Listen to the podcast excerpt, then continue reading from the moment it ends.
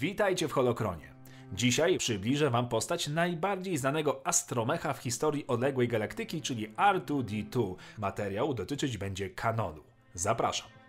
R2-D2 był droidem astromechanicznym z serii R2 wyprodukowanym przez Industrial Automaton z męskim oprogramowaniem. Sprytny i odważny droid miał w historii swojego funkcjonowania niesamowite szczęście. Nigdy nie został całkowicie wyczyszczony z pamięci, ani nigdy nie otrzymał nowego oprogramowania. To zaskutkowało wytworzeniem się swojego rodzaju niezależnej osobowości. Często znajdując się w kluczowych momentach w historii galaktyki, Artu niejednokrotnie był cichym bohaterem całej sytuacji, bez pomocy którego wielu głównych bohaterów sagi skończyłaby zupełnie inaczej. Rozpoczynając służbę na zlecenie królowej Amidali z Nabu, Artuditu skończył służąc Anakinowi Skywalkerowi podczas schyłkowych lat Republiki Galaktycznej, często w towarzystwie C-3PO. Brał udział w niezliczonej ilości misji podczas wojen klonów. Gdy trafił w ręce Luka Skywalkera, był z nim związany przez kolejne lata. 19 lat po czystce w Republice Galaktycznej R2-D2 odegrał kluczową rolę pomagając sojuszowi rebeliantów zniszczyć Gwiazdę Śmierci dzięki planom, które nosił w swojej pamięci. Brał udział w obu bitwach na Hoth i Endor i był świadkiem udanego zniszczenia drugiej Gwiazdy Śmierci Imperium 4 lata po zniszczeniu pierwszej. Słowem, droid był wszędzie tam, gdzie było gorąco. W następnych 30 latach Artu towarzyszył Luke'owi Skywalkerowi aż do upadku jego próby wskrzeszenia zakonu Jedi w 28 roku po bitwie o Yavin. Gdy zniknął Luke, Artu wszedł w narzucony przez siebie tryb niskiego poboru mocy.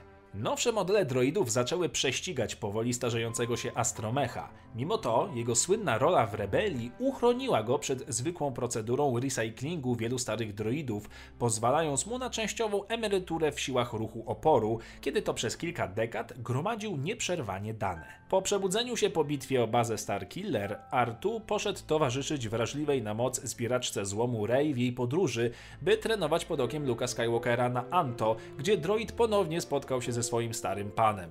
R2-D2 nadal pomagał ruchowi oporu wraz ze swoim długoletnim towarzyszem C-3PO przez całą wojnę z najwyższym porządkiem, aż do finalnej bitwy o Exegol, w której był aktywnym uczestnikiem. Ale to oczywiście jedynie zarys jego głównej historii, bowiem ilość przygód, w której brał udział droid jest ciężka do zliczenia, nie mówiąc już o tym, jak jego historia rozbudowana jest w legendach. Pora na parę słów o właściwościach i specyfikacji droida. Jego ojczysty świat to Nabu, jednak data utworzenia nie jest do końca znana. Jest to najpewniej minimum 32 rok przed bitwą o Yavin. Producentem droida jest firma Industrial Automaton, linia produktowa serii R, model R2, klasa droid astromechaniczny.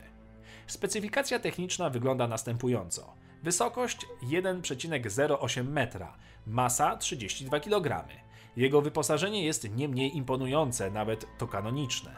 Pod blachą droida znaleźć można było m.in. mini piłę mechaniczną, szczypce elektryczne, łącze typu skąp, hak z liną, sondę danych, spawarkę, mini rakiety odrzutowe, złącze zasilania, holoprojektor, a wszystko to przy systemie lokomocji typu Mark IV. Postać droida filmowej sadze odgrywa nie tylko rolę bohatera, ale i magafina osi fabularnej. W Nowej Nadziei Artu jest tym, czego szukają obie strony konfliktu, najważniejszą rzeczą dla wszystkich bohaterów. Droid bowiem zawiera schematy Gwiazdy Śmierci. W późniejszych odsłonach sagi Artu jest bohaterem, który wiecznie wyciąga główne postacie z opresji, aby znów stać się częścią Magafina, którym jest mapa gwiezdna. To właśnie Artu posiada ostatni, najważniejszy jej fragment. Na koniec jeszcze mała ciekawostka. Już na etapie tworzenia scenariusza Lucas miał w głowie wizję spieniężenia Artu w formie gadżetów. Na jego osobistą prośbę stworzono pojemnik na ciasteczka w postaci droida Artu. Oryginały z 1977 roku wciąż są dostępne na rynku wtórnym, ale zapłacić za nie trzeba niemało. To wszystko na dziś. Dajcie znać, o czym chcecie kolejny odcinek Holokronu. Koniecznie zajrzyjcie pod linki w opisie filmu, padajcie na Discorda, podziękowania dla patronów serii i niech moc zawsze będzie z wami.